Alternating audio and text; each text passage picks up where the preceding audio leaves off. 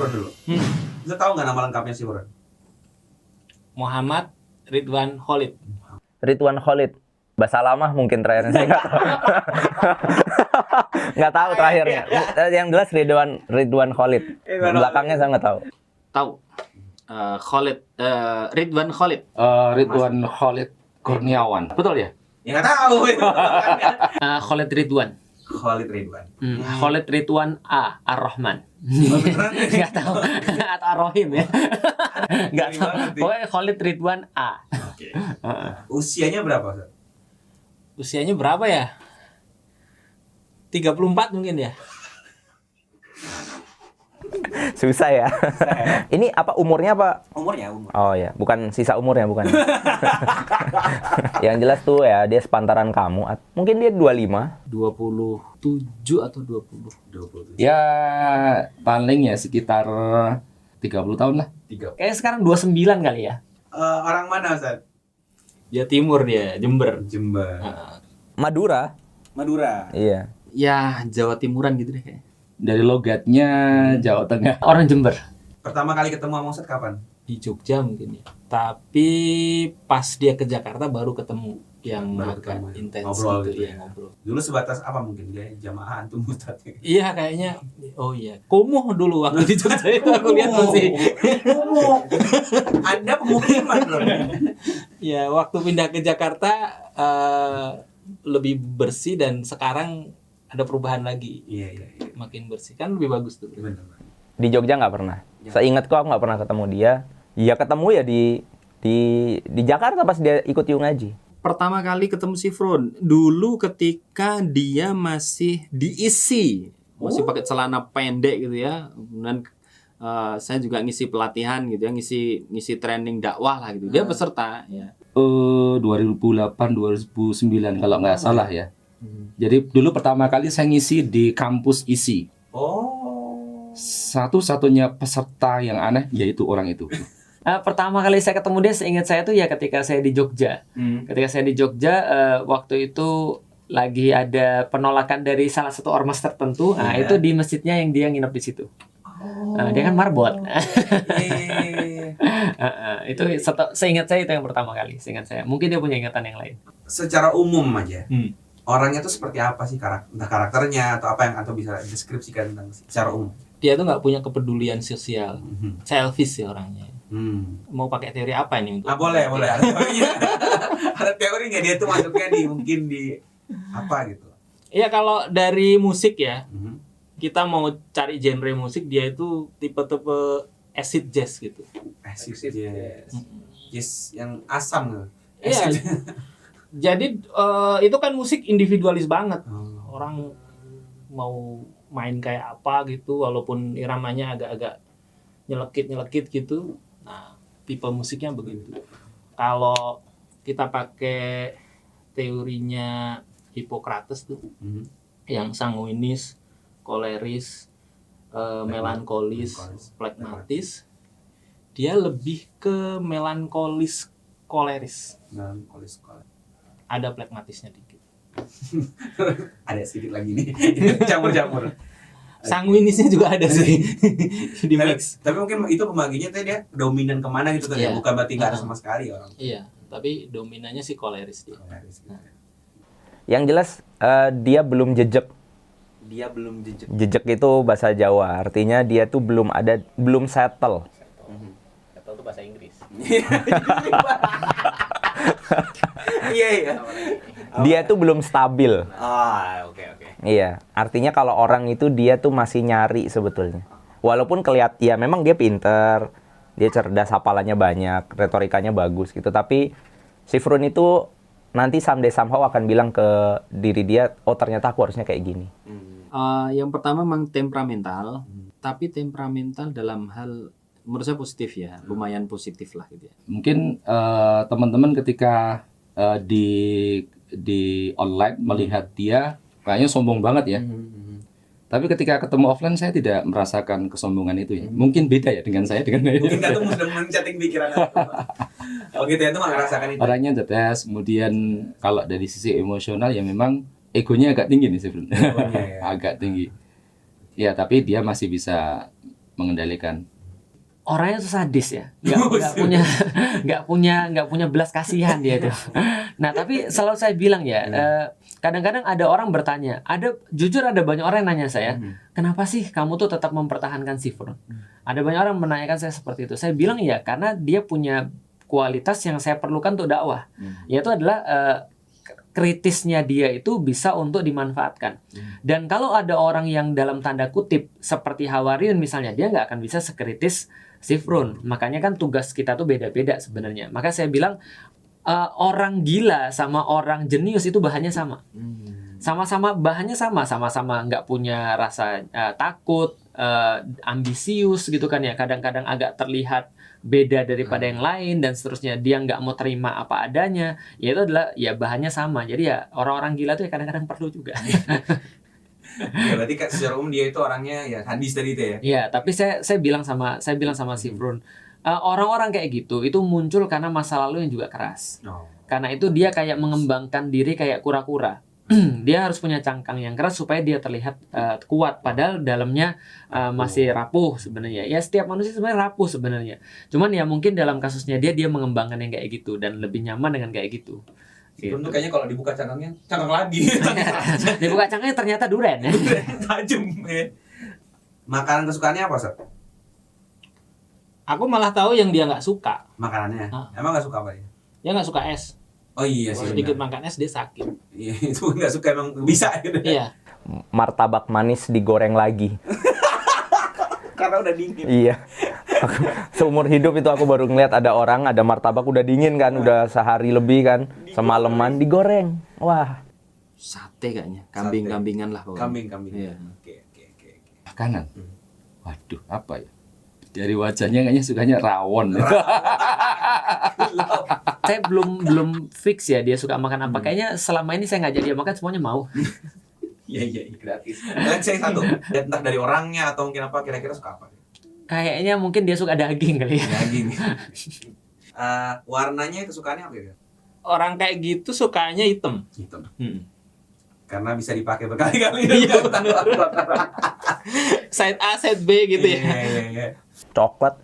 Karena barang paling berharga menurut dia selama aku kenal dia ya kursinya itu. Dan kursinya dia pilih warna coklat kan. Iya, iya. Hitam. Gitu. Warna kesukaan Sifrun ya. Hmm. Dia hitam juga dengan saya sama kayaknya. Eh, Sifrun hitam kayaknya. surat favoritnya apa Mungkin alahab ya. kok bisa tebakan antum itu maksudnya ah, kenapa nebak kayak gitu Kemarin waktu ngejelasin alahab ya bagus banget. Waktu oh yang di live online itu ya. Iya, aku nggak nyangka. Pasti ini surat oh Al-Baqarah kali ya. kenapa Banyak Firaun ya sense ya. atau ala Rof ya. Al-Isra kali. Kenapa Ustadz nebaknya ke situ Sejarahnya kan banyak. gitu. Oh, Heeh. oke. Bicara Fir'aun, bicara. bicara Bani Israel, Iya, bicara rakyatnya.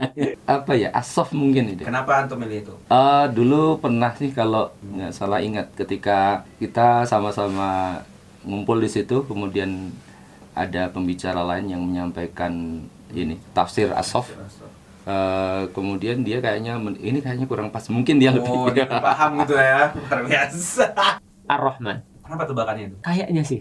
Nah, dia butuh sayang iya betul kayaknya. Eh, kalau genrenya apa Dia koplo mungkin ya menurutku. koplo Iya. oh wow Karena rata-rata orang Jawa Timur itu begitu pulang kampung, Eh, itu semua bis yang mengantarkan dia entah itu dari Jawa Barat, dari Jogja, dari Solo itu selalu diputar musik-musik dangdut koplo gitu. mhm. Dan Mungkin aku pikir koplo ya. itu akan mempengaruhi eh, selera musik dia. oke Ah pop-pop aja. pop pop Eh, pop rock kali ya. pop rock Iyalah gitu. Atau ini eh, alternatif apa namanya? oh ada sih Progresif. Progresif, progresif. Kayaknya itu. karena dia jurusan musik jadi ya susah agak susah ditebak apa ya rock kali ya rock rock Oke. ya Hmm. Dia genre musiknya itu eh, metal kayaknya dia tuh. metal Kayaknya sih ya. Hmm. Hal apa yang dia benci Dia benci kemapanan. Iya, kerapian, keindahan. dia benci yang baik-baik Tapi itu bagus sih menurutku. oh. Karena kan setiap orang itu punya daya deviasi namanya. Iya anti kemapanan itu dan itu yang membuat eh, akan ada pembaruan-pembaruan. Hal yang dia benci orang bodoh. Aku dia mention nama. Aku hampir mention nama. Orang bodoh ya. iya, Dibenci oleh seorang bodoh ya. kayaknya gitu. Rapat. Yang dia benci kalau hal-hal pribadi dia diusik. Dia benci orangnya suci. Dia benci orang suci. dia dia benci kalau ada orang lebih bagus daripada dia. Eh, gitu ya. Dia nggak suka saingan. Dia nggak suka saingan. Oke, oke, Ah. Kelebihannya apa Ustaz? Dia. menurutku ya kelebihan sekaligus kelemahan. Kayak tadi begitu orang itu punya sikap anti status quo maka dia peka dengan perubahan. Dia juga walaupun anti sosial biasanya orang-orang model begini peka sosial. Maksudnya peka sosial itu peka perubahan dan dia harus bagaimana. Gitu. Nah, itu saya kira dia ngambil angle itu relatif eh, leb- lebih lah dibandingkan yang lain. Ada samanya kayak Ustadz Felix. Dia itu bisa ngeliat dari perspektif yang orang nggak kepikiran aja tentang sesuatu. Nah, itu yang paling mahal sih. Dia mampu mencari angle sebuah peristiwa dari sudut yang orang itu terkadang nggak kepikiran. Nah, gitu. Jadi iya ternyata kayak kayak misalnya menjelaskan eh, tentang apa namanya buhul-buhul gitu ya itu ki- oh iya walaupun sebenarnya itu eh, based on membaca ya, Ya, ya. tetapi menurut saya saya sangat hormat banget kalau Sifrun sudah menjelaskan tentang sejarah dan mengambil angle yang angle itu bisa kita ambil sebagai inspirasi yaitu bagi saya bagi saya pribadi itu ke- kelebihan Sifrun. Tadi udah saya sebutin dia pinter. Kritis. Eh, kalau kelemahannya pun itu juga termasuk. Itu bisa jadi menjadi kelemahan buat orang lain. Hmm. Dengan cara hidup begitu, dia nggak punya teman banyak. Karena orang nggak suka dengan situasi yang penuh dengan konflik. Ya mungkin kalau di compare ke aku aja, bukan kekurangan, tapi apa yang ada di aku yang dia nggak ada, eh, aku bisa kerja sama orang banyak. Nah dia belum pernah aku lihat kerja sama orang banyak. Acuh pada orang lain kayaknya. Iya, iya, Sorry, iya. Brun. Iya, iya, iya. Ah, cuek gitu ya. Cuek aja gitu loh, cuek. Cuman kalau sudah peduli, dia akan peduli banget kayaknya. Tipenya begitu. Nah kekurangannya, nah kadang kala eh, dia nggak mau ngalah. Jangan mengalah. Eh, temperamental dan nggak mikir ketika ngomong. Eh, selama bareng sama Sifron pernah punya kejadian apa gitu bisa diceritain yang berkesan kah entah lucu seru atau mungkin menyebalkan apa pun Dia kalau marah serius. oh iya Itu waktu main eh, kita kan di mobil tuh main undercover itu. ya. iya iya Namanya permainan itu kan memang ya dibuat untuk happy. iya Tapi karena dia selalu menjadi korban, karena ada stigmatisasi, karena dia itu punya pola begitu yang tadi itu Iya, iya. disebutkan. Akhirnya kan teman-teman itu punya punya satu persepsi bahwa dia harus dihilangkan di Iya, awal. iya, iya. Dan dia marah dan serius dan eksplisit. dan setelah itu selesai permainan dan setelah itu perjalanan jadi nggak asik. asli dan aku nyetir pada saat itu. Jadi aura-aura negatif itu eh, terpancar gitu eh, di situasi kayak gitu. Tapi cepat mereda sih. Iya, iya. itu Oh, itu sisi nggak baperan ya? Iya, nggak baperan. Jadi marah ya udah marah habis itu udah selesai. Mhm. Nggak dalam gitu. Iya waktu itu kan kita baru shock ya, baru pertama kali ketemu, terus sama Ustadz Felix langsung ditumpukin di satu rumah untuk kerja bareng di situ. Nah itu kelasnya itu dia itu nggak nyangka ada orang yang penuh aturan kayak aku gitu. Sementara aku juga nggak nyangka kok ada orang seseenak dia hidupnya. itu aja. Aku paling berkesan ketika dia personality pertama kali di meeting space ya, ketika dia membawakan gerak dah itu aja. Itu sampai sekarang itu ini bocah keren banget gitu. Ah, itu aja sih. Ya mungkin yang yang berkesan begini ketika saya tiba-tiba ketemu Mhm. dan nggak saya nggak sadar bahwa dia pernah eh, ikut di forum saya di tahun-tahun segitu 2008 tiba-tiba dia sudah punya kapasitas seperti itu artinya kan ya dia belajarnya kenceng juga ke banyak orang gitu Eh, ketika dia nganyut mau mati, gimana gimana gimana Gimana ceritanya? Jadi pernah waktu itu kita pe- pergi sama Hawariun sama anak-anak uh, Little Giants gitu kan ya. Kita pergi ke Belitung waktu itu dan waktu itu kita uh, pecah dua. Hawariun sama sama Mas Husen sama siapa lagi waktu itu uh, mereka pakai satu boat. Saya sama Sifrun sama uh, Mio Daus itu pakai satu boat lagi. Dan boat saya tuh dari awal tuh sudah rusak satu ini ya, satu dayungnya. Antum bisa bayangin, tapi karena saya pro kan itu kan ya. Akhirnya saya bisa membawa mereka dari ujung satu ke ujung yang lain. Ini kan kayak teluk gitu kan ya. Jadi eh, apa ke ujung satu dan ke ujung yang lain. Nah, ketika sudah sampai ujung itu, itu ada satu apa ya, kayak eh, kayak balon itu, apa balon penyelamat tuh yang Oh. lepas. Nah, lalu kemudian saya bilang nggak usah diambil, nggak usah diambil. Kenapa? Karena arus sudah mulai eh, udah mulai naik dan itu sudah mulai sore kan itu kan ya. Ah itu si Prun ketika ngelihat saya mau ngambil itu tiba-tiba dia juga pergi. Dia juga pergi padahal kemampuan berenangnya pas-pasan. Uh, Miudaus juga pergi. Saya bilang, "Loh, tiba-tiba nggak balik-balik. Ustaz, tolong Ustaz kita nganyut." Saya ambil lah tuh terus kemudian eh, apa namanya eh, bot itu saya jalan tapi saya tuh dayung. Kok ini nggak tambah deket? Mereka malah tambah jauh. Saya bilang, saya pucat banget waktu itu. Saya pucat banget dan saya bilang, itu Miudaus nganyut ke sini, si Prun nganyut ke arah laut. Allah Akbar. Saya bilang gini, saya harus tolong yang mana dulu ya? Waduh. Kalau saya tolong uh, Mio, uh, Mio Daus dulu, Hmm. Sifrun nganyut. Kalau saya tolong Sifrun, Mio Daus nggak ketolong lagi. Ini Hmm. gimana ceritanya? Dan mereka udah nggak bisa berenang. Saya bilang, ayo, ayo lagi, gayung lagi, kayu lagi ke sini. Uh, Mio Daus bilang apa? Kram perut saya. Ustaz." Astagfirullahaladzim. saya udah stres tuh. Saya manggil Hawariun, bro, tolong bro, Mas Husen, tolong Mas Husen. Mereka kira saya lagi main-main. Allah Allah Akbar dari Karena mute su- gitu ya. iya suaranya kan tahu kan kalau di laut kan kayak apa. Mereka bilang, oh iya iya. Saya ketawa. Ah, kurang aja. Saya, ini orang udah mau mati saya bilang gitu kan ya. Akhirnya saya putuskan saya pergi ke Miodaus dulu, tempat yang lebih dekat daripada sini udah nganyut agak jauh. Saya ambil terus saya bilang, antum masih bisa bergerak. Saya nggak bisa lagi, Ustaz. Saya lemes banget. Saya bilang, saya tuh juga udah lemas perut saya karena gayungnya cuma satu. Akhirnya saya bilang, udah kayaknya nih si Frun mati nih saya bilang. kalau nggak saya bilang gini, si Frun, eh, saya kan teriak, si Frun, ya kalau nanti nggak sampai sabar ya saya telepon pokoknya ke Coast Guard gitu kan ya atau gimana. Tapi somehow dia stuck di depan teluk. Kalau dia lepas dari situ, saya udah nggak ngerti lagi tuh. Karena itu akan kebawa ke laut terus kan, stuck di situ selama setengah jam tuh saya gayung. Akhirnya sampai dia udah, udah pucat, pucat dan nggak bisa gerak. Akhirnya udah udah antum pegangan di sini, eh, kalau bisa gerakin kaki, gerakin kaki, saya dayung. Akhirnya setelah setengah jam berikutnya, satu jam berikutnya, saya baru sampai ke tempat maksud saya bilang saya itu tadi serius mas. Oh gitu ya? Oh gitu doang. Gitu. Sederhana itu. Parah banget tuh. Nah itulah pernah hampir hampir hanyut dia. Lanjut ya. Saran untuk Frun depannya ada juga sekaligus doa untuk dia gitu harapan. aku pikir hidup itu nggak bisa sendiri. Kita perlu orang lain dan kita juga perlu berkembang untuk lebih baik. Walaupun bisa jadi kita yakin cara kita terbaik gitu ya. Tapi orang lain selalu punya angle, punya cara pandang yang unik. Dan itu kalau kita bisa tangkap itu mengayakan Hmm. buat kebaikan kita. Saya kira eh, lokus itu eh, puzzle itu yang perlu dilengkapi. Dan saya berdoa eh, dia menjadi orang yang lebih terbuka untuk perbaikan dia dari orang lain.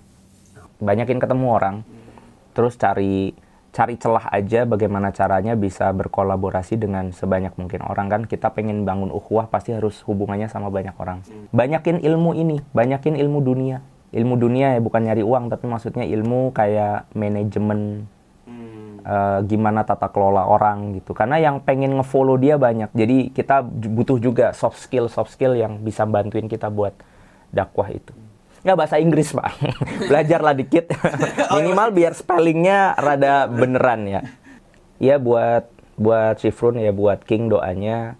Semoga dia bisa jadi sebaik-baiknya raja di mana raja yang baik itu adalah raja yang tahu apel itu jatuh di mana gitu.